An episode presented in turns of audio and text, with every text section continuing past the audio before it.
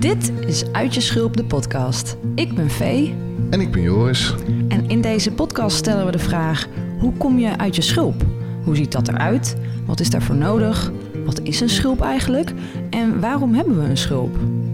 We gaan met onze eigen kennis en de expertise van onze gastsprekers op zoek naar antwoorden. De thema's ontwikkeling, mentale gezondheid en connectie staan centraal in onze zoektocht. Deze podcast is zowel bedoeld voor mensen die zich pas net in zelfontwikkeling beginnen te verdiepen, als mensen die al meer bekend zijn met het onderwerp. Het is voor iedereen die zich soms een beetje vast voelt zitten, die graag wil groeien, die zich afvraagt waarom ze zijn zoals ze zijn en of dat ook anders kan en zo ja, hoe je dat doet. Pak een drankje en schuif lekker aan. Laten we beginnen.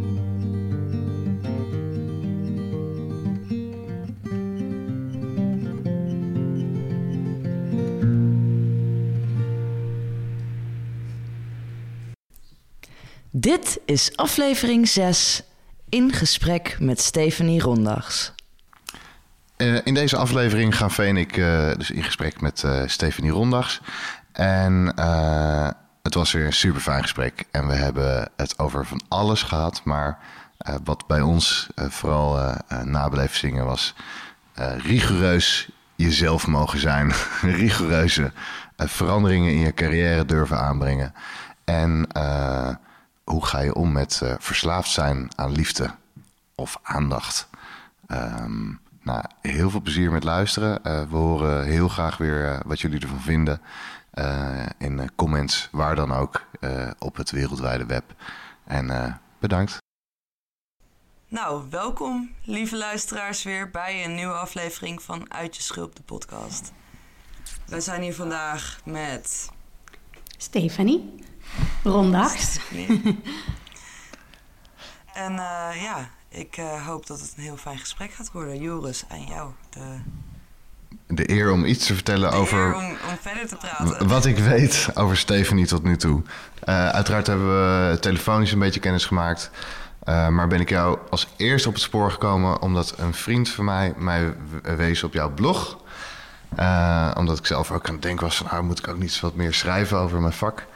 En uh, nou, dat vond ik superleuk. En je bent me altijd bijgebleven. Dus nu we de podcast gingen maken, dacht ik... dat is echt iemand die voor mij interessant is om eens uit te nodigen. Leuk. En ik zal heel grofweg door, uh, door jouw cv gaan. Door jouw mm. avontuurlijke cv, als ik het zo mag uh, omschrijven. Mm. Je deed VWO, daarna deed je klinische gezondheidspsychologie... Uh, en daarop volgde nog een PhD in medische psychologie. Mm -hmm. En daar deed je een onderzoek in iets dat heet psychosociale diabetologie. Ja. Nou, ik als leek weet daar niet het fijne van, maar het heeft in ieder geval iets met diabetes te maken. Klopt. En daar heb je meer mee te maken gehad in je, in je eigen leven en professionele leven, ja, volgens mij. Zeker, ja. Uh, je deed ook nog allerlei andere opleidingen van uh, wetenschapsjournalistiek tot holistisch masseur en diverse yoga en yoga teacher opleidingen. Mm -hmm. uh, en volgens mij nog een belangrijke in je loopbaan is een opleiding in relatietherapie. Uh, in je werk uh, was je GGZ-psycholoog, uh, maar ook vrijgevestigd psycholoog. En daarin lijkt je twee specialisaties te hebben gehad: hè? diabetes en relaties. en een belangrijk onderdeel in je leven is voor mij dus altijd schrijven geweest ook. Je bent dus ook al erg lang wetenschapsjournalist en columnist voor de Diabetesvereniging Nederland. en je eigen blog noemde ik net al, waar je best wel openhartig, vind ik, schrijft over alles wat met relaties te maken heeft, ja. maar ook jouw eigen zoektocht in Ja. het leven en werk. Ja. En het laatste wat er op jouw cv staat, op LinkedIn in ieder geval, is schrijver. En uh, op jouw website staat ook vermeld, uh, ik heb een patiëntenstop. En dat was al een tijdje geleden dat het erop kwam te staan. En op LinkedIn staat er nog de zin, de zin bij, druk bezig met het schrijven van mijn debuutroman. Ja, klopt. Ja, zullen we, zullen we gewoon eens heel even... Uh, starten met, uh, met hoe, hoe jouw uh, weken er dan nu uitzien als, uh, als schrijver. En daarna gaan we ongetwijfeld van alles afpellen over de weg daar naartoe. Ja, het is ook wel grappig om jou zo dat samenvattend te horen vertellen. Ja.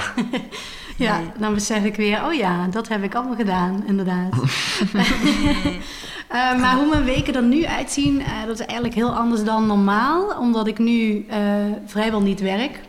Uh, wel aan mijn boek, maar niet, uh, geen afspraken heb, uh, niet meer in loondienst ben, ook geen ja. cliënten meer zie. dus eh, ja, mijn weken zijn nu heel rustig. Dus ik bepaal zelf mijn indeling.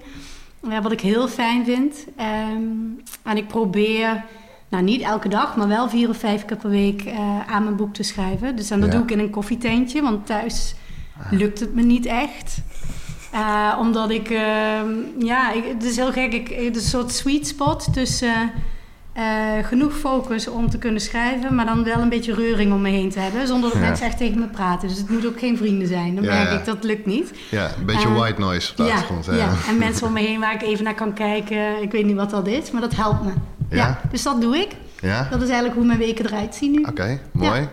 Mogen je vragen waar je roman over gaat? Ja, ehm, het, gaat, het is een autobiografische roman. Ah, mooi hè? Ehm, het gaat over relatieverslaving in het kort. Aha. en wat dat inhoudt is ehm, dat, nou ja, het is autobiografisch. Dus eh, ik heb mezelf Sanne genoemd vooralsnog. Ja?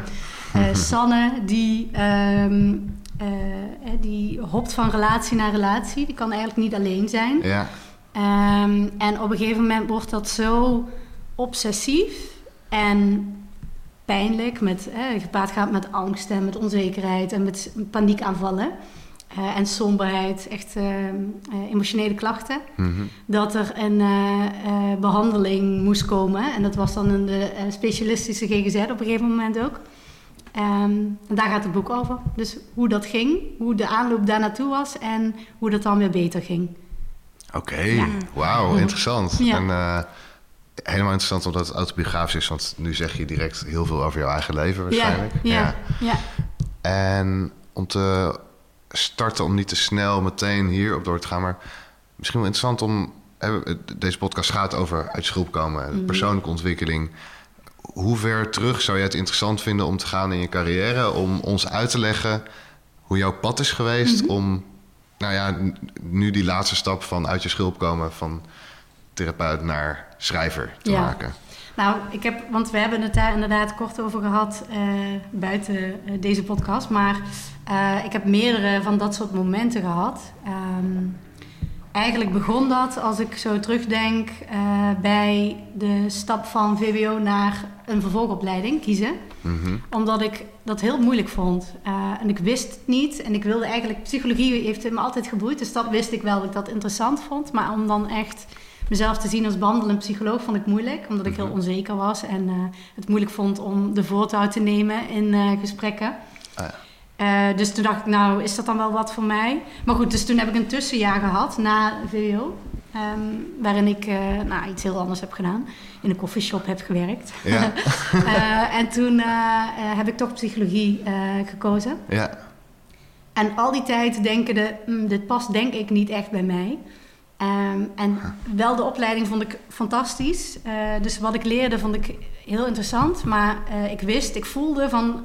Ik denk niet dat ik ooit behandelend psycholoog wil zijn. Maar goed, dat, daar rol je dan toch in, omdat dat wel is wat je doet. Hè? Die, die, die richting had ik gekozen. ja, En omdat ik ehm, eh, inderdaad in de medische psychologie terecht kwam. Ik heb zelf Mhm. diabetes. Mhm. Ehm, en ik vond dat dus ook heel interessant. Ehm, ben ik in de medische psychologie terechtgekomen. En op een gegeven moment was dat dan onderzoek wat beter bij me paste dan behandelend eh, psycholoog zijn. Ehm, dus toen ervoer ik van, hey, eh, er is ook een pad dat niet per se eh, psycholoog is zo- zoals ik het voor me zag, als behandelend psycholoog. Maar gewoon, Ja. je kunt er ook iets mee doen. Psycholoog als in in een kamer zitten, eh, eh, diep gesprek voeren over eh, mentale gezondheidsproblematiek. En, eh, ja, ja, ja, dus zeg maar dat er ook een weg was waarin je die kennis wel gebruikte, maar niet Ja. per se in gesprek. Ja, En niet zozeer dat het gesprek eh, daar het obstakel was, want ik vind gesprekken fantastisch. Dat doe ik Ja. ook heel graag. Maar je de ziet er vrij ontspannen uit. Ja, ik vind het ook heel leuk. En dit, is, dit, is, dit vind ik heel leuk. Maar nee, de verantwoordelijkheid van psycholoog zijn vind ik heel zwaar. Ah ja, En dat heb ik ook gemerkt. Ja. ja.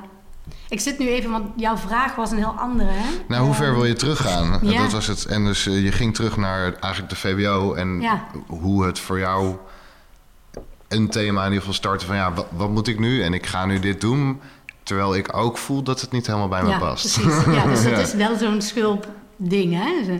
Terwijl ik toen het idee had van, ik moet dat gewoon aangaan. Ik moet die angst overwinnen. Ik moet die onzekerheid overwinnen. En huppakee, Moetjes. doe het maar gewoon. Ja, Maar ik heb de neiging om mezelf dan te veel te pushen, denk ik. Eh, dus dan sprong ik in iets wat nog helemaal niet, eh, hè, eh, waar ik nog niet klaar voor was. Want ik heb ook als behandelend, behandelend psycholoog gewerkt na mijn studie. En ik merkte gewoon, nee, ik ben daar helemaal nog niet klaar voor. Mm. Maar dan zat ik wel in die rol. Dat vond ik heel heftig.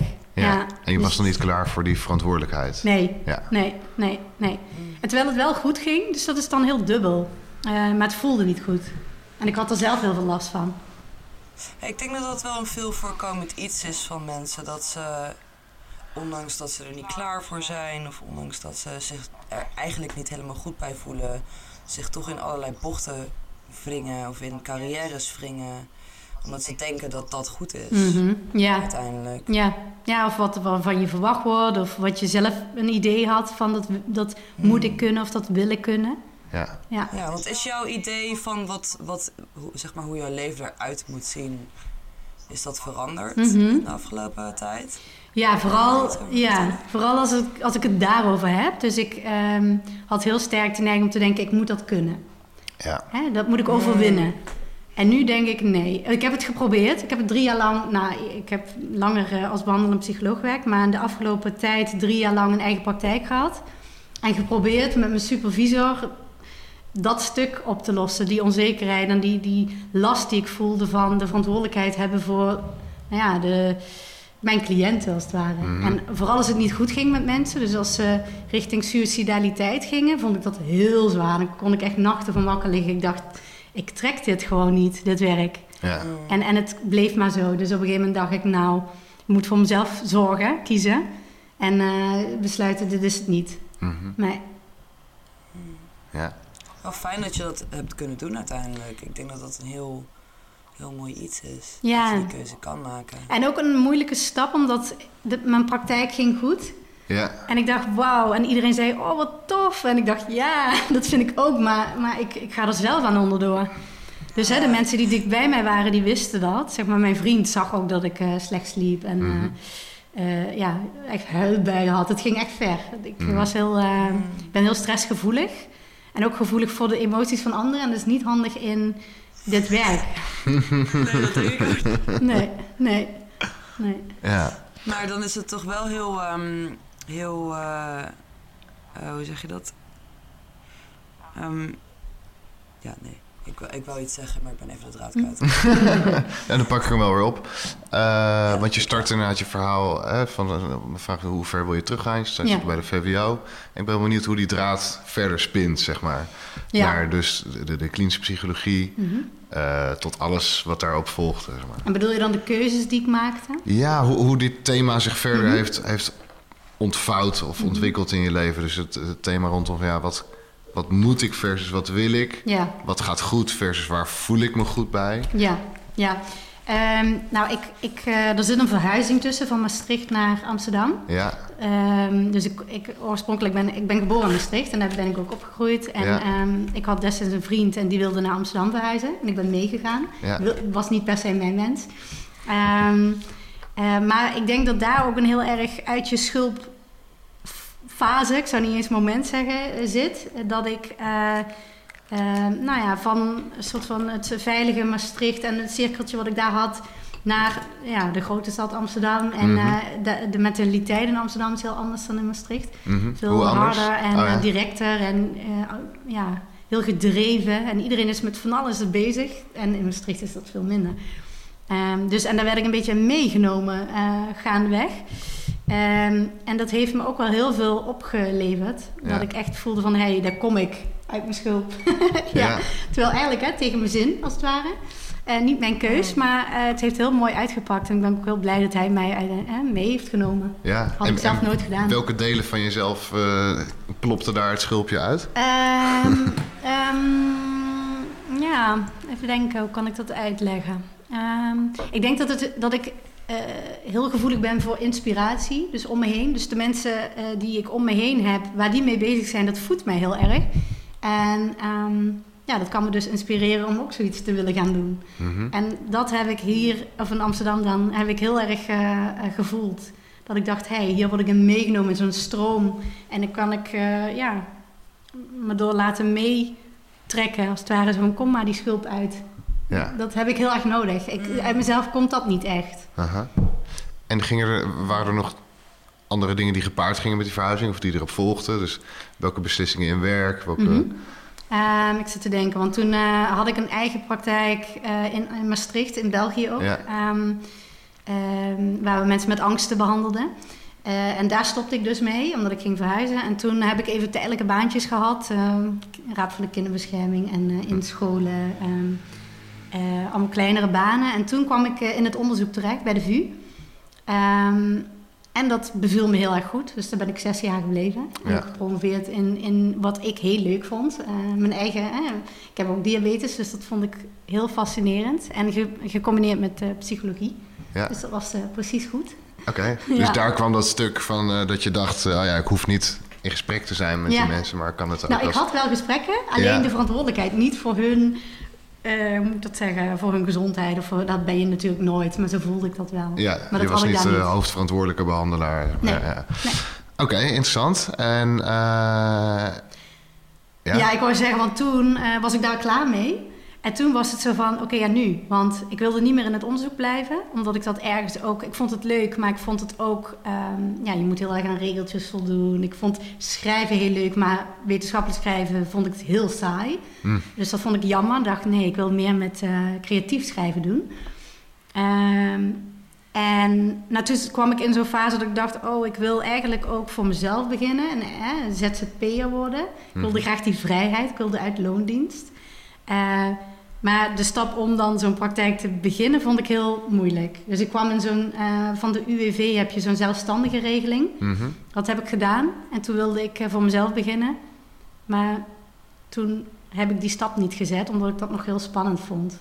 Toen heb ik allemaal cursussen gedaan en eh, inderdaad massagetherapie en Ah, is, en- dus het waren een beetje opvullingen om ja, je onzekerheid nog een beetje Ook- de, de tijd te geven, zeg maar. ja, en om mezelf te ontwikkelen. Yoga heel veel gedaan inderdaad, waar ik nu ook niks meer mee doe. Massage ook niet meer trouwens.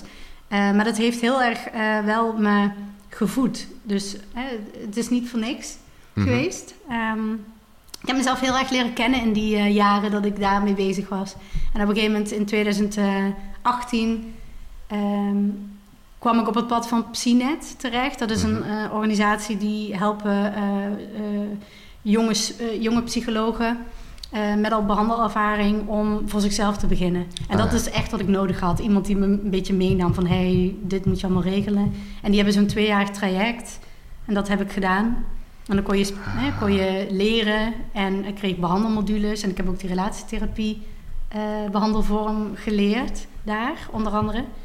Ehm, ja, en zij namen mij echt mee. Dus zij, via hen kreeg ik cliënten. Mhm. En via mijn blog ook. En dat ging langzaam aan mijn hand verschoof dat van alle intakes via Psinet naar alle intakes via mezelf. Dus Ah. nu ben ik weer min of meer los van Psinet. Ja, Ja.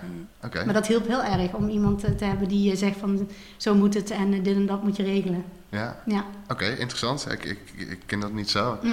Eh, daar heb ik nog meer vragen over, maar dat is misschien meer persoonlijke interesse. ja. Eh, dus die, die spraken wel even op. Mhm. Ehm, en uiteindelijk komt daar ook relatietherapie bij. En Ja. dat voelt ook als een soort van belangrijke stap. Ja. Als iets, iets heel anders dan werken met mensen die uiteindelijk naar suicidaliteit kunnen gaan neigen. Of, ja, klopt. hè, de serieuze, zware GGZ. eh, Ja. Ja, eh, inderdaad. Ik was dus, eh, eh, ik begon als heel algemeen. Mensen met angsten, burn-out, eh er was van alles. Ehm, en uiteindelijk heb ik me toegespitst op relatietherapie, omdat dat ook mijn interesse was. Dus mhm. misschien moet ik ook nog heel even een stapje terugzetten dat ik al begonnen was met een blog, eh, wat jij ook zei. Eh, openhartig heet dat. En dat gaat over ehm, eh, ja, mijn geworstel met relaties in feite. En ook gecombineerd met mijn werk als psycholoog. Eh, dus daar, eh, nou ja, dat, dan, dan schrijf ik over ehm, thema's als verlatingsangst en bindingsangst en Mhm. hechting. eh, en communicatie, allemaal dat soort dingen. En, die, en ook tegelijkertijd over mijn eigen gedoe daarmee. Mhm. Mijn, mijn, eh, successen en eh, eh, mindere successen. zal ik maar zeggen.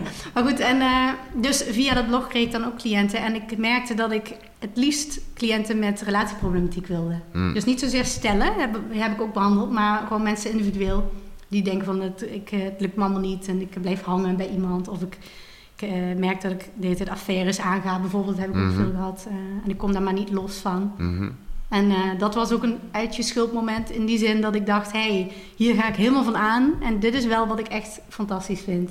Maar ja, goed, Mooi. de, nog steeds, want jij zei net van... Hè, dan blijf je een beetje weg uit die zwaardere problematiek. Maar Ja. toch, desondanks, ook mensen met relatieproblemen... ehm, kijk, of mensen die moeite hebben met relaties... daar zit vaak ook zwaardere problematiek onder. Ehm, en dat kun je niet zo uitfilteren in die Dat, zin. dat is ergens ontstaan, zeg maar, ja. Ja, ja dus... eh, En als je het eh, ja, over hechting hebt, dan ga je inderdaad naar de, naar de kern, naar de Ja. basis van hoe is het, hoe is het thuis geweest? Klopt. En, eh, ja, en dan wat is daar goed en misgegaan? Ja. Er kunnen hele heftige patronen onder liggen van ja, angst en zelfhaat. En dan kom je ook weer terecht in die zwaardere problematiek. Hm. Ja, Ja, wat ik dus weer dan zwaar vond. ja, Ja. oké.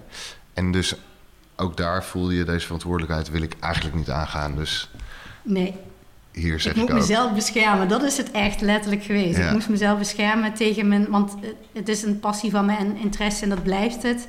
Alleen moet ik voor, heb ik voor mezelf geconcludeerd... Ik, nou ja, het klinkt een beetje heftig misschien, maar ik kan dit niet. Ik, ik trek dat niet. Mm, Ja. Ja, mm. Klinkt dat heftig voor jou? vind ik wel, om dat Ja. zo te zeggen. Omdat ik eh, kennelijk daar ook nog niet echt een acceptatie in voel nog. Omdat ik denk, je wel, want je vindt het leuk. En, en ik kreeg ook positieve feedback, dus dat maakt het dan ook moeilijk. Hè? Dan denk je, Ja. waarom geef je dit op? Eh, is dit niet echt te overwinnen? Maar Mm. ik begin nu te denken, nee. Ik mag ook weer een beetje terug in die schulp. En dat, dat Ja. zei jij zo, van een beetje terug. En zo voelt het ook. En, maar het is oké. Ik sta mezelf toe om terug in mijn schulpje te gaan, een beetje. Ja. Wat dat betreft. Ja, ja, ja, snap het. Fijn. Ik denk dat het vooral heel bijzonder is. Ehm, ik heb eindelijk mijn, mijn draad weer Ja. te pakken. Eh, ik denk dat het vooral ook heel bijzonder is dat je uiteindelijk de keuze hebt gemaakt om te stoppen terwijl het heel goed ging, Mhm. eigenlijk. Ik denk dat veel mensen ehm, ja, dat, dat, dat, niet, dat niet kunnen, omdat het gaat goed, toch? Ja. Dus waarom zou je stoppen? Ja, ja. En dat is ook wat ik uit mijn omgeving hoorde. Van, hé, Ja, hey, wat precies. zonde, waarom geef je dat op? En eh, natuurlijk, ik, hè, iets heel praktisch, maar ik heb ook inkomsten nodig. Dus ik, ik Mm. heb Ja. nu geen inkomsten. En eh, het is echt een bewust besluit geweest van, ik ga even op mijn spaargeld leven. Mhm. Want ik moet rust en ik eh, moet, hè, ik wil even weer... En ik merk dat het heeft heel erg geholpen. Ik, ik slaap weer goed, ik ben weer eh, blij. ja, dus eh, ik merk, nee, ik moet het nu volhouden. Want dan komen weer cliënten terug van... Hey, begin je alweer?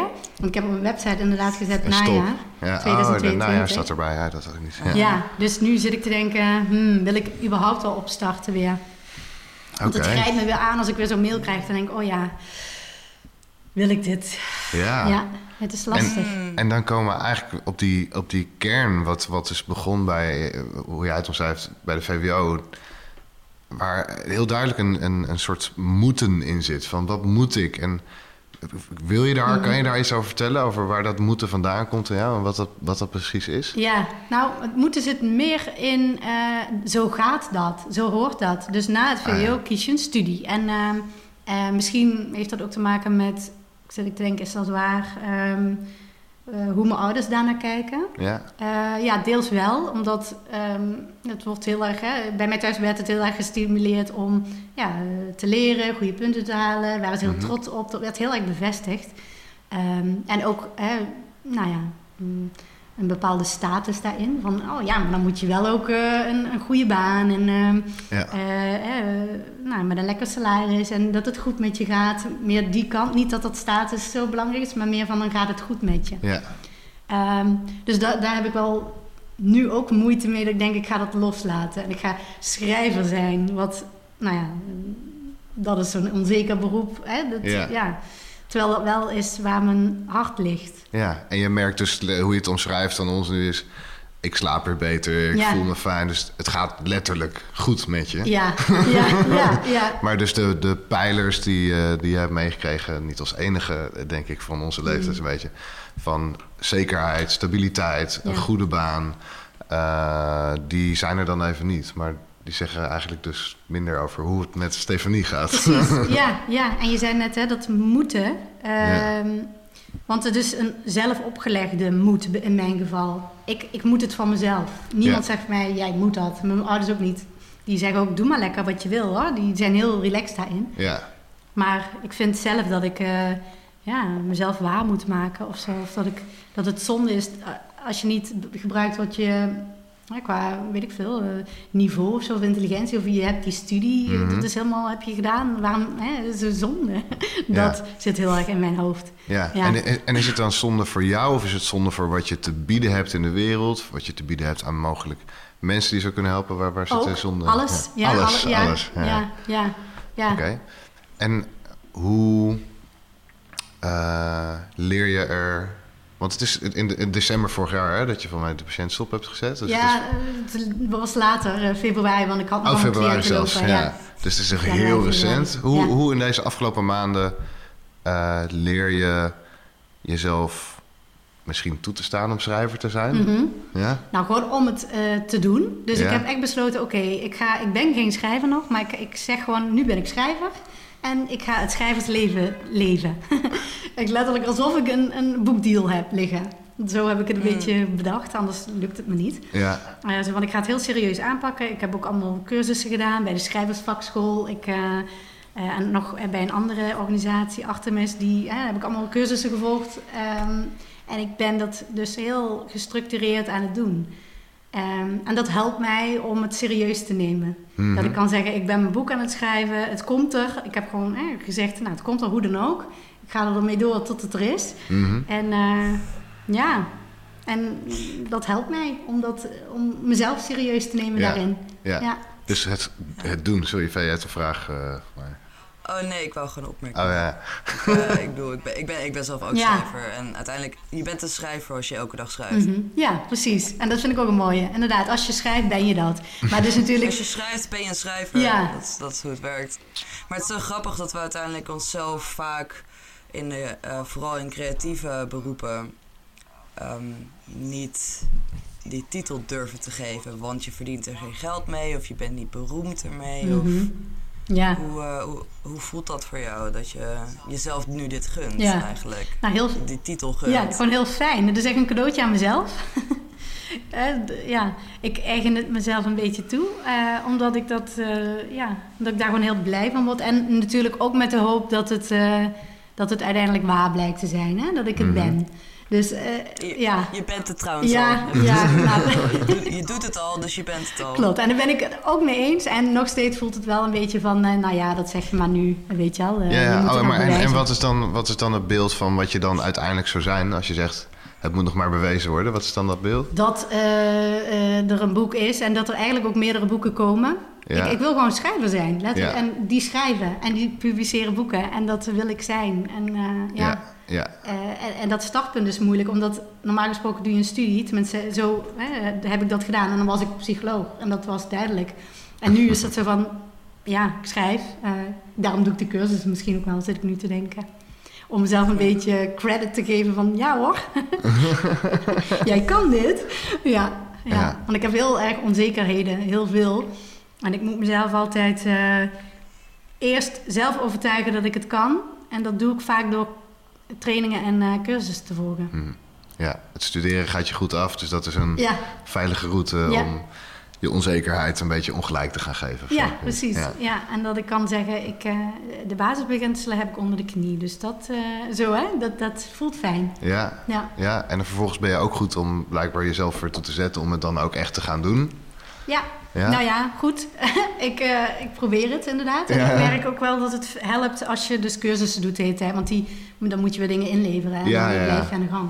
Voor ieder mens is het altijd beter om dingen niet helemaal alleen te doen. Ja, dat heb ik ook gemerkt. Ja, Ja, dat is ook een valkuil. Ja, dat is een erg doen. valkuil voor letterlijk iedereen die ik ook in mijn praktijk heb. Eh, Vind accountability partners, op wat voor manier dan ook. Ja. Ja. Het helpt heel erg.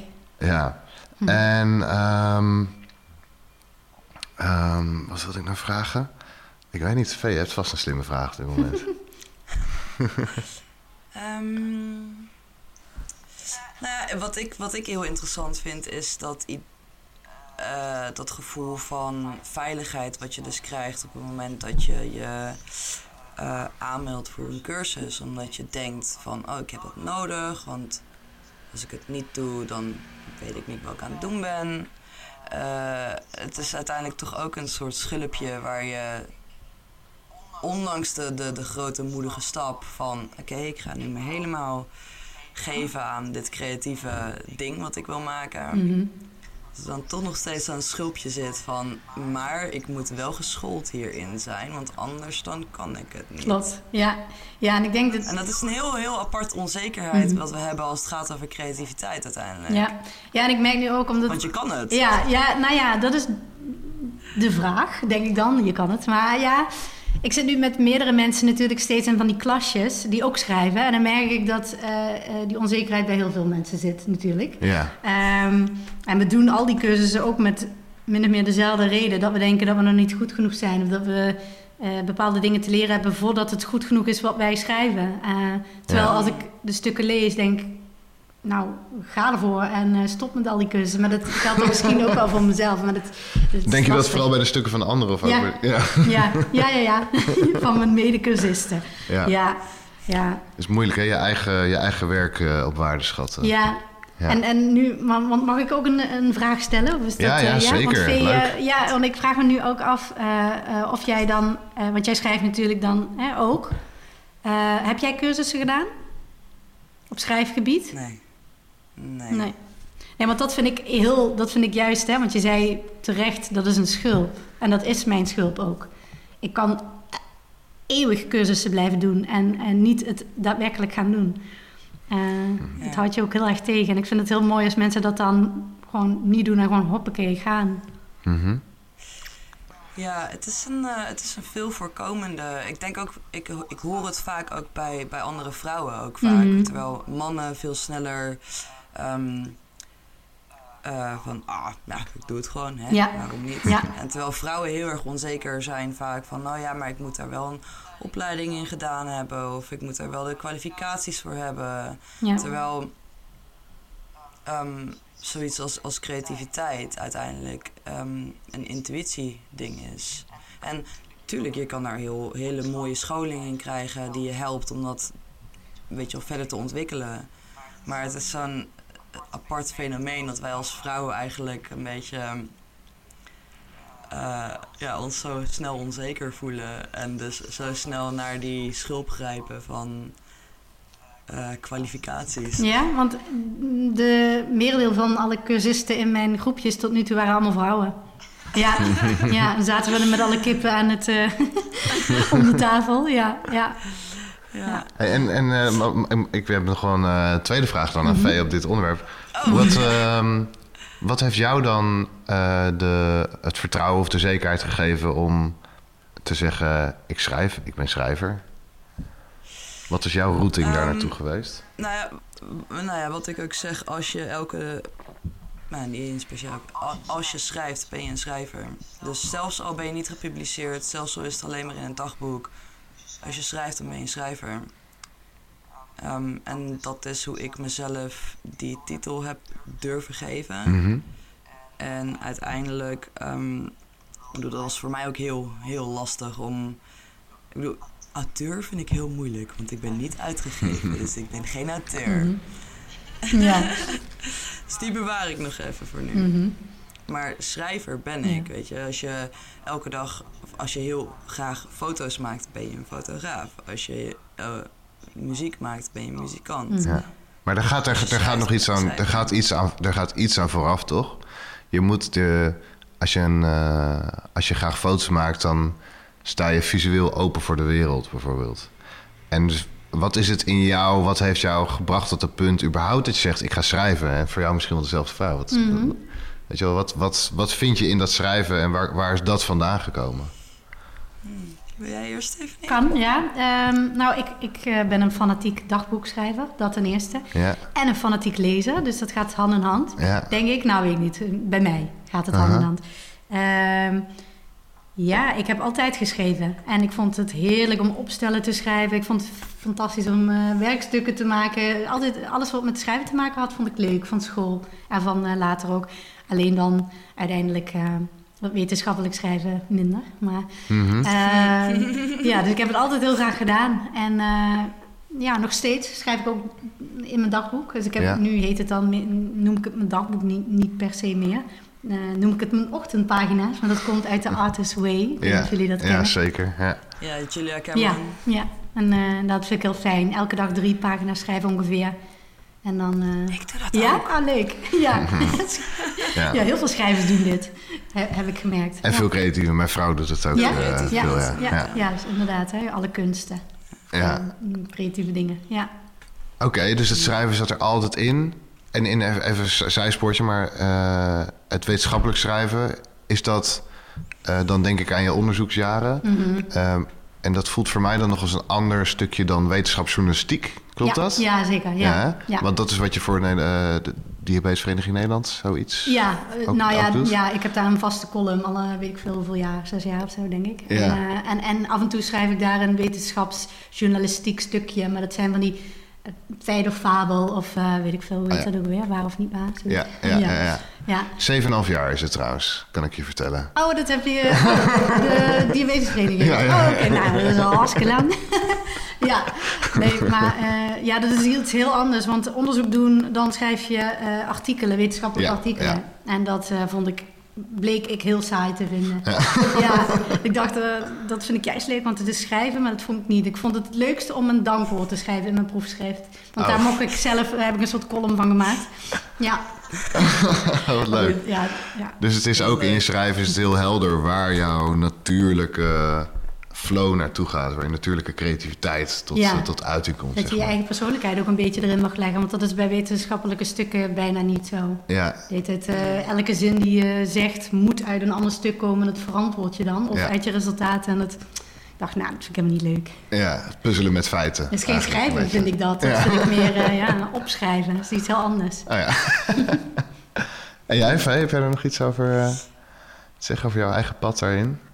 Bijvoorbeeld.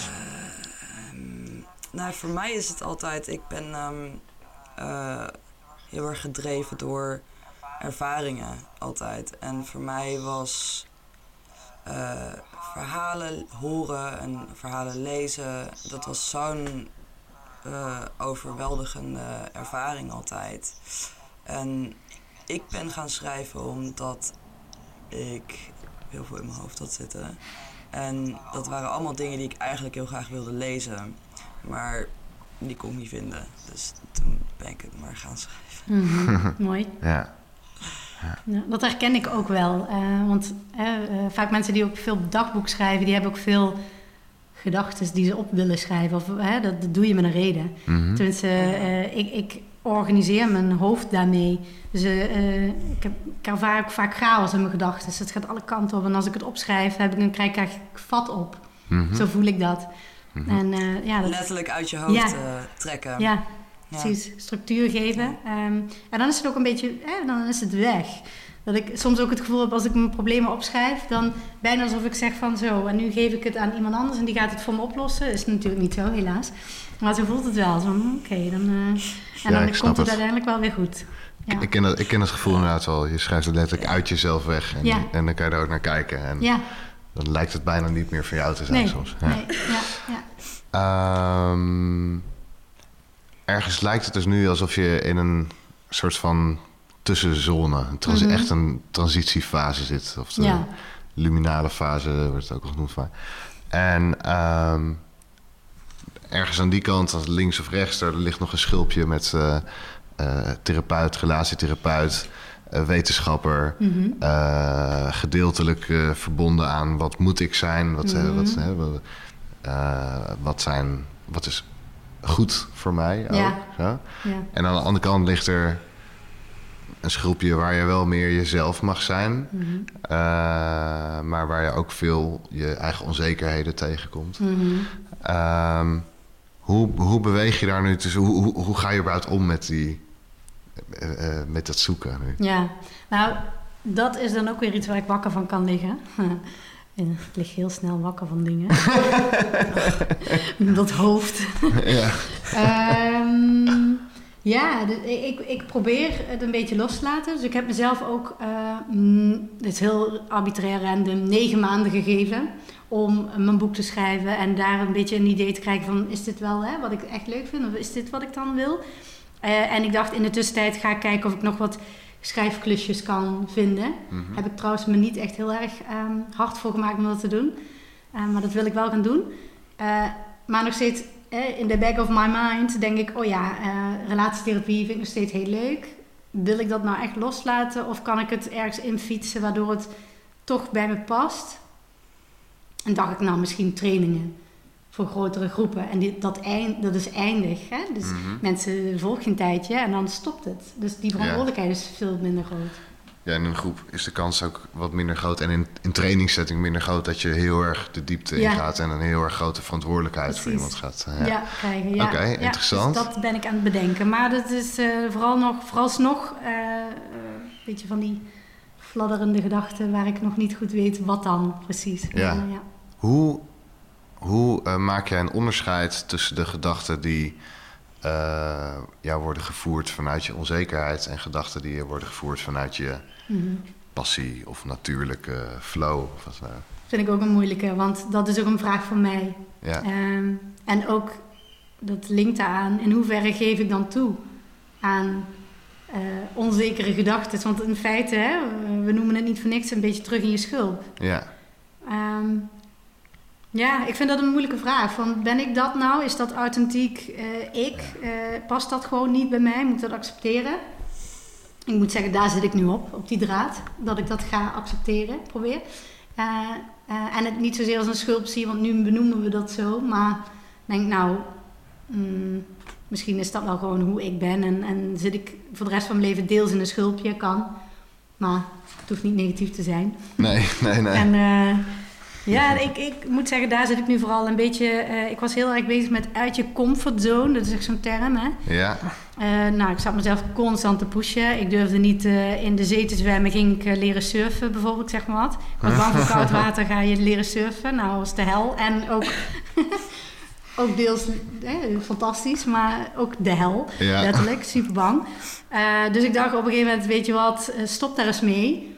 Ga gewoon eh, lekker in die comfortzone of in je stretchzone, zeggen ze ook wel eens. Hè? Ja, dat is ja. dan niet de terrorzone, maar de stretchzone. ja. En eh, zo voel ik dat nu. Want schrijven is ook niet per se comfortzone voor mij. Dat kan ook wel eens spannend voelen als ik een scène schrijf die super eh, open is. Mhm. Of grafisch, moet ik nu even denken. hè, dat, ja. dan denk ik, oh ja, daar zit ook schaamte of de angst voor wat vinden mensen daarvan. En dus dat voelt ook stretchy, maar niet paniek. Dus ik denk, dat is ook, dan ben ik ook uit mijn comfortzone een beetje. Ja. Maar dan wel op een manier die beter bij mij past. Ja, oké. Interessant. Ja, Ja. mooi, maar mooi. Ik zou gewoon ook wel even willen eh, breken om gewoon eh, al onze luisteraars te vragen hoe zij dat doen. Laat ons daar een keer iets over weten, weet je wel. Hoe maak jij onderscheid tussen waar jouw gedachten vandaan komen? Wat is inderdaad jouw authentieke zelf of jezelf waar je heel graag naar wil luisteren en wat komt uit verstorende delen van jezelf of, of oude eh, waarheden of overtuigingen? En daar wil ik dan nog iets aan toevoegen. Als Ja. psycholoog zijn, misschien zeg ik dat, denk ik. Ja, Maar ehm, eh, soms kan het ook heel heilzaam zijn om te accepteren dat je bepaalde angsten hebt. Ook al is dat misschien niet eh, je authentieke zelf, Mhm. maar dat ben je nu wel. Ehm, en dat kun je ook accepteren of ergens in berusten. Klinkt allemaal heel negatief, want ik bedoel het meer van own dat gewoon. Dat, dat is ook een deel van jou. En dat Ja. mag er ook gewoon zijn. Je mag ook gewoon bang zijn. voor de zee. Whatever, ja. Ja, ik ja. mag ook gewoon never, vanaf nu nooit meer de zee ingaan. Dat kan, hè. Als ik dat, eh, ja. Wie, wie dwingt mij? Hè, ik zelf dwing mezelf. Dus eh, ja, maar ja. Ja, ik kan me wel voorstellen dat het daarin wel helpt om toch een keer jezelf te pushen om zoiets te doen. Ja, En dan daarin voel je denk ik wel heel helder het onderscheid tussen comfortzone, stretch en gewoon way beyond. precies. Ja. ja. En ik wil nog een klein bruggetje maken als het mag, ook gerelateerd aan mijn werk. eh, is dat eh, als relatietherapeut. ja, Ehm, en ik werk ook heel veel met stellen die eh, met open relaties bezig zijn. Of met Ja. ethische non-monogamie heet dat dan Ja. zo mooi. Ja. Eh, en dan zie je ook heel duidelijk zo de, de stretch zone en de, de angst, zo de panic zone.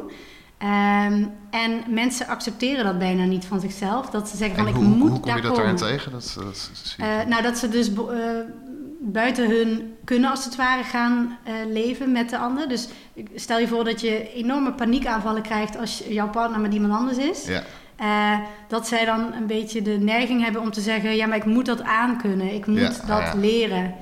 Te, op, tot op het punt dat je denkt, iemand gaat er helemaal aan onderdoor. Ja, ah, en dat ja. gebeurt dan, hè, iemand die kan helemaal eh, ontsporen in die zin, of emotioneel Ja. instorten. Ja. En dat mag je wel serieus nemen, denk ik. Ja. Dat, hè, dat, Ja. dat, dat, ja, het is een waarschuwingsmechanisme en daar mag je ook naar luisteren. Dus stapjes terug of gewoon kleine stapjes. Wat jij ook net zei van ehm, ehm, die, die stretch zone van eh, je kunt het ook een keer proberen. Mhm. Jij zei pushen, maar ik zou zeggen probeer een beetje Ja. rustig aan, kleine stapjes en voel hoe dat is. Ga niet te ver daarin. En je kunt ook weer terug. En Ja. dat is ook niet, niet erg. Ja. Dat is geen falen. Ik denk dat we dat te veel zien als falen. En terug in je schulp gaan. Daarom vind ik die, st- die stretch ook wel een lekker woord. Want het- Mhm. ik heb daar zo'n elastiek beeld bij. Dat je een beetje tegen de elastiek in moet duwen om daar te komen. Maar als je gewoon weer ontspant, dan ben je gewoon weer terug in je comfortzone Ja, eigenlijk. ja, ja. mooi. Ja, Ja. mooi beeld. Oké. Hmm. Ehm, ja, ehm, ik wou daar ook nog even Ja, iets over. gang. Want eh, ehm, denk, eh, denk je dat, ehm, dat het makkelijker is voor ons eh, mensen om, om bang te zijn voor iets of iets eng te vinden als we niet weten wat de, uit, wat de uitkomst is? Mhm. Ja, zeker. zo'n zo'n soort mechanisme wat we bezitten, denk ik. Mhm. Van, oké, maar als ik dan ga schrijven, dan moet het ook goed zijn Mhm. of er moet iets uitkomen. En als ik niet weet of dat gaat gebeuren of niet, dan. Ja, hoe, is- hoe, hoe Mhm. kijk jij daar tegenaan? Ja, we zijn eh, wat vermijdend ook, hè? als een mens zou ik bijna willen zeggen, als soort. Dat je als je bang bent of mm, niet weet waar je naartoe gaat, dat, die onzekerheid daarover, dan hebben we liever de comfortzone die we kennen, al is dat misschien niet wat je wil. En dan blijf je Ja. veilig in je schulpje. en eh, ja, dat, dat, ik denk dat dat wel heel eh, veel voorkomend is. Ja, dat we dat dan gewoon niet aangaan. En ik denk dat daar ook de, de eh, valkuil is dat je, ehm, als je heel erg naar je angsten gaat luisteren en zegt dat is authentiek wie ik ben, ik heb die angsten nou eenmaal, dat je dus ook die stretch niet meer gaat opzoeken. Ik denk dat je daar wel misschien voor mag waken, omdat het leven ook heel spannend en mooi is. En, en ehm, ja, het is niet voor niks dat gezegd, hè? het is een cliché, maar outside je comfortzone, dat is de magic. En eh, ik denk dat het wel Ja. waar is. Ja. ja. Anders heb je zo'n klein wereldje en dan, ja, zonde. Ja. Zeker wel. Ik heb ooit een keertje, eh, ik geloof dat het ergens in, eh, in Utrecht eh, op een brug staat geplakt ergens. Maar als je hetzelfde doet, krijg je hetzelfde resultaat. Ja, zo. Ja, als je doet wat je deed, krijg je wat Als je doet wat kreeg. je deed, krijg je wat je kreeg. krijg je wat je kreeg. Ja, die vind ik als je doet wat je deed, krijg je wat je kreeg. Ja, en als dat prima is, is prima. Maar als je denkt, hé, hey, dat is saai of dat wil ik niet, nou, oké. ja. Ja. Ja, in die stretch, daar zit eh, de groei. ja, precies. Ja. ja. En die voel jij dus nu als je Ja. in het schrijfproces zit. Ja. Eh, in bepaalde scènes die Ja. heel persoonlijk zijn, soms ook heel, heel grafisch persoonlijk. Ehm, en ik wil nog wel even terug naar dat beeld van, eh, van waar je van droomt Mhm. als dit lukt. Ja. En wat is dan lukken? Ja. Wat gaat er dan wat gaat er allemaal lukken? Nou, kijk, mijn droom is meer, ik wil gewoon schrijven en dat wil ik doen. Ja. En helaas is de wereld zo dat je inkomsten moet hebben. Dat is echt, daar, daar worstel ik niet mee. Dat ik denk, nou, voor mijn part ga ik ergens eh, eh, in een eh, hutje op de hei zitten schrijven zonder dat het iets oplevert. Mhm. Maar dat kan niet, want ik heb, het is allemaal, hè, ja, je moet er toch huur voor betalen of hypotheek of whatever. Ja, Ehm, maar mijn droom is dat ik er gewoon van kan leven. Dat ik, dat ik eh, en het hoeft niet veel te zijn. Dus hè, ik, desnoods ga ik heel erg zuinig leven voor de rest van mijn leven. Maar mag ik schrijven als werk. En dat zou ik fantastisch vinden. Dat is Ja. wat ik hoop. ja, ja. En er zijn niet nog ehm, ergens stiekem in je achterhoofd dromen als in dan heb ik deze literatuurprijs en dan. eh, nee, want dat, dat, dat doet er voor mij niet zozeer toe. Ja, want nee, ja. het enige wat ik belangrijk vind is dat ik eh, dan genoeg verdien om het te kunnen blijven doen. Ja, ja, Ja, ja. Joris, je snapt niet hoe verslavend het is. Ja. Nee, ik snap het wel, maar ik was, ik was, ik was er gewoon oprecht benieuwd naar. Of, Ja. of er inderdaad zo'n ergens stiekem zo'n... Ik, heb, ja. ik, heb, ik, heb wel, ik ken vaak van die, ik ken wel van die dagdromen over mezelf, weet je wel, die, eh, die eigenlijk heel erg ego gedreven zijn Mhm. vaak en, en heel misleidend in, in wat je in het nu aan het doen bent. ja. Dus daar was ik benieuwd naar of je dat ook herkende. Maar Nou, erkenning is ook... Want zo'n prijs is erkenning van... eh, hè, er is een, een groepje juryleden, denk ik dan... die jou werk mooi vinden. Ja, Hè, die dat willen belonen. En dat is natuurlijk, ja, waarom, dat zou ik ook wel willen, ja. ja, ja. Waarom niet? ja maar, dat dat is niet iets wat ik nastreef. Nee, en dat is niet iets wat hoort bij het beeld van dan is het gelukt. Nee. Nee, En nee. leer je nu in het schrijven van je roman nog weer andere dingen dan in alle journalen eh, en al het schrijfwerk wat je hebt gedaan? En wat is het andere of Ja. nieuwe dat je leert? Nou ja, eh, ik, dat, dat was een beetje een vergissing. Toen ik eraan begon, dacht ik, nou, dat ga ik doen. Ik heb een blog, ik schrijf al vier jaar blogs, ik doe columns en, en ik heb veel geschreven. Maar dit is een vak apart. Wow, ik moet alles nieuw leren. Dus uh, scènes schrijven en uh, show, don't tell. Zo'n standaard zinnetje dat je niet uh, erover moet vertellen van zo en zo is het gebeurd en toen en toen. Wat ik heel erg geneigd ben om te doen, in mijn blogs ook. Dat is alleen maar dat. en dat mag ik nu niet meer. Dus nu moet ik zeggen, nou, wat iemand letterlijk zegt of wat iemand doet of hoe iemand erbij zit. En zo denk ik eigenlijk niet. Dus dat vind ik heel leuk om te leren. Ah. Ja, het is echt nieuw. Ja. ja. Ben je daardoor ook de wereld dan anders aan het waarnemen? Ja, heel ja? erg. En ook heel anders aan het lezen. Ik, ik merk dat het een beetje, ben een beetje jammer is dat ik dat nu allemaal geleerd heb. Omdat ik nu niet meer lekker uh, relaxed kan lezen. Omdat ik nu met kijk van, oh, hoe doet deze schrijver dat? Dat is ook wel weer leuk, maar ja. ik kan niet meer genieten. ja. Ja, it ruins you for life. ja. ja, zonde, ik lees zo graag. It's, a, it's an addiction and it ruins your life. ja, dat zeg je mooi. Inderdaad, het is een verslaving, hè? Ja, zo voelt het ook wel een beetje. Ja, ja ik heb zelf ook... Het is, uh, wat ik zei, het is echt een verslaving op een gegeven moment. Dat... ik, ik, ik ben zelf ook... Uh, ik, ik zit vaak het liefst te schrijven in cafés. Of ik, hier mijn lokale pub in Engeland um, is er een stoel aan de bar waar ik gewoon elke avond geparkeerd zit. Mm. Terwijl iedereen gezellig aan het doen is en ik zit daar te schrijven en niemand begrijpt. Waarom ben je aan het werk? Nee, dat is niet werk, dat is leuk. Ja, ja inderdaad, ik herken het heel erg. Ja, ja, ja lekker. En, en, en uiteindelijk, zeg maar, wat bij mij zo'n ding is, is ik heb dat... Um, sorry, ik weet dat we helemaal niet meer over schulp aan praten, alleen maar over schrijven. Maar um, als er iets gebeurt, het eindigt ergens in een boek. Mm-hmm. Ja. like, het maakt niet uit. Like, niemand is veilig. Nee.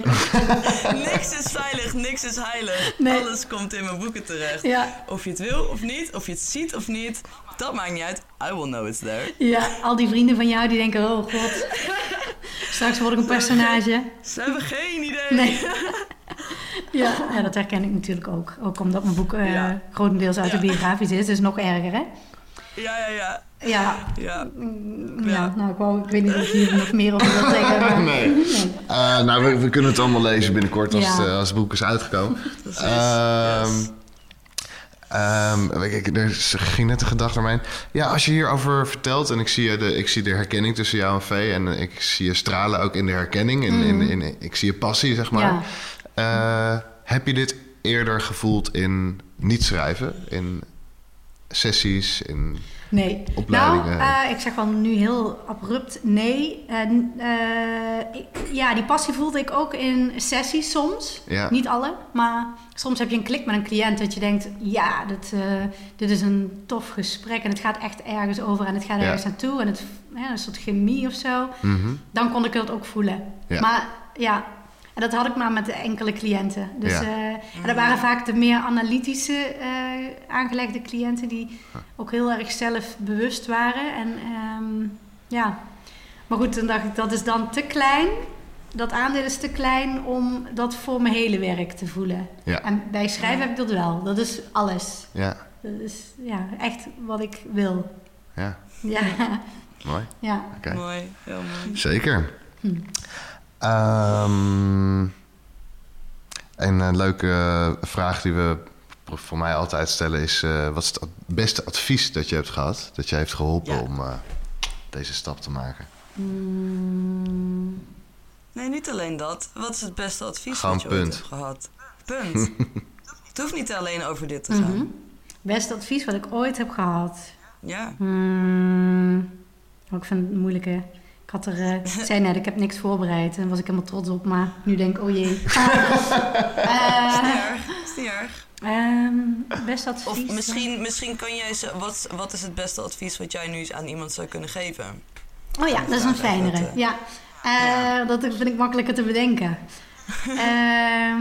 Eh, nou, probeer eh, te voelen wat je wil. En eh, ja, dat is heel lastig om een beetje uit te schakelen wat je denkt dat moet of hoe het hoort. Of wat andere mensen willen dat je doet of afkeuren. Ehm, maar probeer gewoon te doen wat je zelf wil. En ja, heb daar een beetje maling aan. Eh, en dat is tegelijkertijd lastig, want ik vind dat zelf ook heel moeilijk. Op meerdere vlakken van mijn leven vind ik dat moeilijk. eh, om mijn eigen lijn te lopen. Los van wat andere mensen daarvan vinden of wat ze van me willen. Mhm. Eh, maar dat is wel echt een advies wat ik heel erg te hard heb genomen de afgelopen jaren.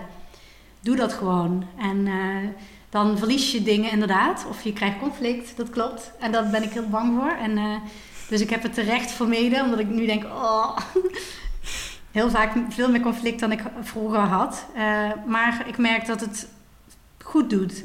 Ondanks die conflicten, ondanks dat ik mensen kwijtraak... of ondanks dat ik bezigheden kwijtraak... eh, Mhm. krijg ik er ook heel veel voor terug en dat is veel meer waard. Dat is wie ik ben. Mhm. En dat, is, ja, Mhm. dat had ik van tevoren niet zo beseft. Hoeveel me dat zou opleveren. Mhm. Dat ik gewoon door die angst moest van ja, mensen kwijtraken. Ja. Dat is iets wat ik spannend vind. Beautiful. Ja, zeker. beautiful. Mm. Wauw. En maakt dat je minder bang voor conflicten? Of verandert dat Nee. niet, maar ga je het gewoon meer aan? Ja, ik Ja. ben doodsbang voor conflict. En waar het vandaan komt vind ik ook een lastig. Daar heb ik wel heel veel over na zitten denken natuurlijk. Maar ik vind dat heel spannend, ja. Ja. Eh, vooral als mensen echt boos op me worden of verdrietig worden. Eh, dus de, de aanloop daar naartoe blijft moeilijk en blijf ik een beetje zo vermijden. Eh, maar ik heb nu een paar keer het toch aangegaan en het is niet leuk. Dus ik leid er ook echt onder als iemand boos op mij is. Of, maar ja, denk nou, de dag daarna word je wakker en denk je, oké, dat is gebeurd. En eh, Mhm. ja, mm, ik heb er ook iets voor teruggekregen. Ja. Mezelf. ja, mezelf. Ja, Dat is het mooi. mooiste wat je jezelf kan Ja. geven uiteindelijk. hè? Ja. Ja, ja, Heel mooi. Dankjewel, Stephanie. ja, graag gedaan. Ik vond Ja. het heel fijn. In reinheid met jezelf zijn ook, hè? Ja. Van mij. Ehm, dus, dus sorry, wat wilde je zeggen, Vee? Oh, nee, ja, ik, ik, ik vond het eigenlijk best een mooi, mooi punt op dit moment waar we zijn aangekomen. Mhm. Ja, maar een mooi punt om te zeggen, dit is een mooi punt om te eindigen, bedoel je? Ja, maar laten we haar nog een keertje uitnodigen. Ja, maar ik, heb nog, ik ben nog wel heel benieuwd naar een heel, naar een heel ander stuk. Eh, ik ga het gewoon het balletje opgooien. We hebben het Doe nu heel erg veel gehad over eh, de professionele kant van je leven. En daar zijpelt heel veel persoonlijks doorheen. Eh, maar je begon al te vertellen over je roman. Eh, over eh, ja, jouw persoonlijke geschiedenis met relaties. Mhm. Ehm, en daarin hoor ik ook heel veel, uiteraard, in en uit je schulp. En eh, misschien wel soms een beetje te veel uit je schulp en weer Mhm. ook weer terug erin. Ja, Ehm, is dat iets waar je ook over wil vertellen hier?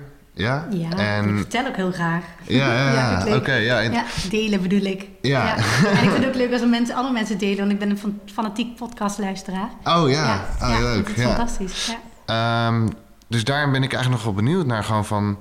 ehm, Let's do it. Ja, hoe... hoe Nog een uurtje hoe, erachteraan. hoe is, ja, een uurtje aan de- Ja, nog, een- nog een uur eraan. Dus let's do it.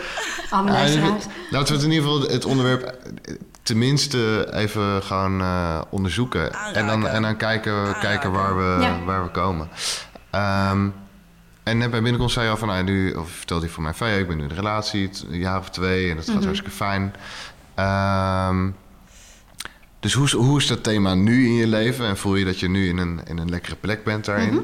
Ja, Ja. Eh, ja. Ehm, ik zei net inderdaad, hè, mijn boek gaat over relatieverslaving. Dus dat houdt in dat ik daar heel erg mee gestruggeld heb. Ehm, en nou, zonder al te veel, want ik zit te denken, hè, mijn boek gaat daarover. Dus eh, zonder te veel spoilers, nee, dat is eh, flauw om te zeggen. Maar want dat leidt natuurlijk ergens naartoe. Nee. Ehm, Teasers, teasers, ja, ja. teasers. Ja, precies. Dat is een mooie. Ehm, nee, ik heb daar echt heel veel De moeite mee gehad. grafische details mag je nog Ja, die eh, laat ik mag je voor je boek. Nee, ik ben ook dus in behandeling geweest. Dat was een soort keerpunt. Eh, eh, echt in een verslavingskliniek. Mhm. Ehm, ehm, voor relatieverslaving. En uiteindelijk ben ik ook eh, anderhalf jaar alleen gebleven. Dus geen relaties, wat voor mij echt een heel erg groot ding was. Gewoon helemaal niks. Geen dates, geen seks, niet vlichten. Het was echt heel rigoureus. Een soort celibatair, anderhalf jaar. En daar heb ik heel veel in geleerd. Omdat niet alleen heel veel stopte, maar ik ook daarvoor heel veel in de plaats wilde gaan zetten. Omdat anders was mijn leven extreem leeg. Want dat Mhm. houdt verslaving ook een beetje in. Ja. Je doet het niet voor niks. Eh, dus toen heb ik mezelf echt heel erg ontwikkeld op heel veel vlakken die ik niet ontwikkeld had. En eh, onder andere eh, ja, alleen kunnen zijn. Eh, zo simpel is dat. En ehm, eh, ja, mezelf entertainen als het ware. Ik, ik zocht heel erg de entertainment buiten mezelf. En mannen moesten me dat geven in een Mhm, specifieke ja. zin. Eh, en nu geef ik mezelf dat. En ehm, ja, daardoor sta ik veel gezonder in een relatie. Dus ik had heel erg klampneiging. Heel erg eh, claimen en eh, ja, jaloers en bezitterig en angstig en alles. En nu is dat niet meer zo. Dus nu heb ik een vriend, eh, ehm, Teun, al twee jaar. En ik ken hem al langer, zeven jaar. Dus hij heeft Oh. ook mijn moeilijke tijd meegemaakt. Oh. Ja. Wat het heel speciaal maakt dat we nu toch samen zijn gekomen en dat het Ja. nu heel goed gaat. Eh, en we hebben besloten te blijven latten. Dus we willen ook ieder onze eigen eh, ja, plek blijven behouden. En voor mij is Ja. het heel belangrijk omdat ik vast wil houden aan mijn herstel in die zin. Ja. Dat ik eh, heel veel heb opgebouwd wat ik nu niet los wil laten. En ik merk dat het heel goed voor me is om ook steeds weer terug te gaan naar mezelf.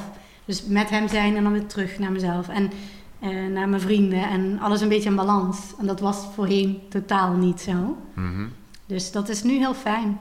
Ja, Mooi. Dat is, daar ben ik nu. Ja. Ja. Kan ik, eh, ik heb een vraagje Mhm. even tussendoor. Want ehm, eh, wa- wanneer wist je dat je verslaafd Mhm. was aan relaties? ja, dat is een hele lastig, omdat dat sluipt er zo in. Eh, en ik had het heel lang niet door dus. Ehm, eigenlijk, als ik nu terugkijk, kan ik het zien. Hè? Dan, dan kijk ik met een ander oog. Dus eigenlijk al sinds ik Mm. tien ben, zou ik wel zeggen, was ik daar veel te veel mee bezig. Ehm, met verliefdheden, met eh, ehm, ja, relaties willen krijgen. Altijd was er een soort van projectje gaande waar ik al mijn energie in stak. Heel erg mee aan het fantaseren was. En, ehm, ehm, ja, en het werd ongezond op een bepaald moment, omdat ik heel erg ging invoelen wat wil die ander van mij en dat ga ik geven. En dat was dan vaak seks. Eh, dus dat zet ik in. En dan, eh, nou, dat werkt natuurlijk helemaal niet zo, maar dat was dan wel wat ik probeerde. Mhm. Ehm, en eigenlijk had ik niet door wat een relatie eigenlijk is. Of hè, wat dat, ja, wat is liefde en wat eh, geef je de ander ook. Ik was heel erg bezig met wat krijg ik en eh, oh, het is niet genoeg en die ander wil mij niet en die gaat vreemd en die, ja, al dat, dat soort dingen. En op een gegeven moment, toen het verslaving werd, toen ik erachter kwam, was omdat ik echt emotionele klachten kreeg. Dus paniekaanvallen, ik sliep niet meer, ik was echt depressief, ik deed de gordijnen niet meer open. Eh, ja, eh, ik wilde stoppen met mijn, destijds mijn promotie. Dus ik wilde stoppen Oh, met eh, Ja. mijn werk voortijdig. Ja, het ging gewoon echt niet goed met me. En ik eh, was heel veel afgevallen. Mhm. Ja, En hoe koppelde je dat dan, dat dan uiteindelijk aan die relaties? Of aan, omdat het daaraan gerelateerd was. Omdat ik, eh, ook als ik die Daar was je mee bezig de hele ja, tijd. Ja, ik denk echt, ja. oh, ja. wat een eh, obsessie. En eh, ja, ik was daar inderdaad alleen maar mee bezig. Het was Ja. duidelijk dat dat dat was.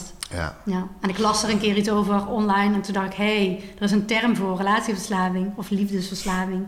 Ja, toen heb ik ook al die boeken van eh Jan Geurts gelezen. Verslaafd ja, liefde. precies. Fantastisch. En Ja. ik moet denken aan, van mij Gabor Maté, die zegt over verslaving... eh, je moet niet vragen waarom het gebruik, maar waarom de pijn. Ja, inderdaad. Wat zit daaronder? Ja, Ja, en dat, dat ben ik ook heel erg gaan leren in die therapie natuurlijk. ja, Waar dat vandaan komt. Want je, je hebt de neiging om heel erg te focussen op van... oké, dus dan moet ik stoppen met alles wat ik doe. Ja, Ik moet stoppen met die mannen. En dat is ook Ja. een onderdeel. ja, Maar er komt nog heel veel meer bij. ja. Ja, dat komt ergens vandaan. gat je aan het Ja, opvullen? precies. Ja. En de band met mijn ouders eh, speelde een rol. eh, Ja. Zonder er nu op in te gaan. Maar dat was ook een groot deel.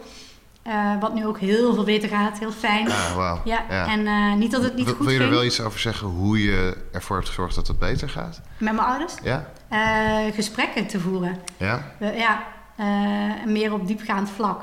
Ja. En eh, elkaar, ik begreep hen vaak niet. En eh, eh, ik was gefrustreerd over dingen die ik niet kreeg in emotionele zin. Ja, ja, En Ja. ik dacht altijd, oh, die band die ik wil, die is er niet. En dat moet. En ja, de verlaten puberteit noem ik het nu. Want ik was al 30 geweest. Maar ik, ik kwam echt in zo'n boze periode en verdrietig ook. En, maar nu is dat heel rustig geworden en nu ben ik heel graag. Ik kom er net vandaan, een paar dagen, dus Ah, het is ja. echt eh, heel fijn geworden. En, en wil je nog iets meer zeggen over die gesprekken? Want Ik vind het een heel, Ja. heel mooi en belangrijk en groot onderwerp. En denk voor heel veel luisteraars heel Mhm.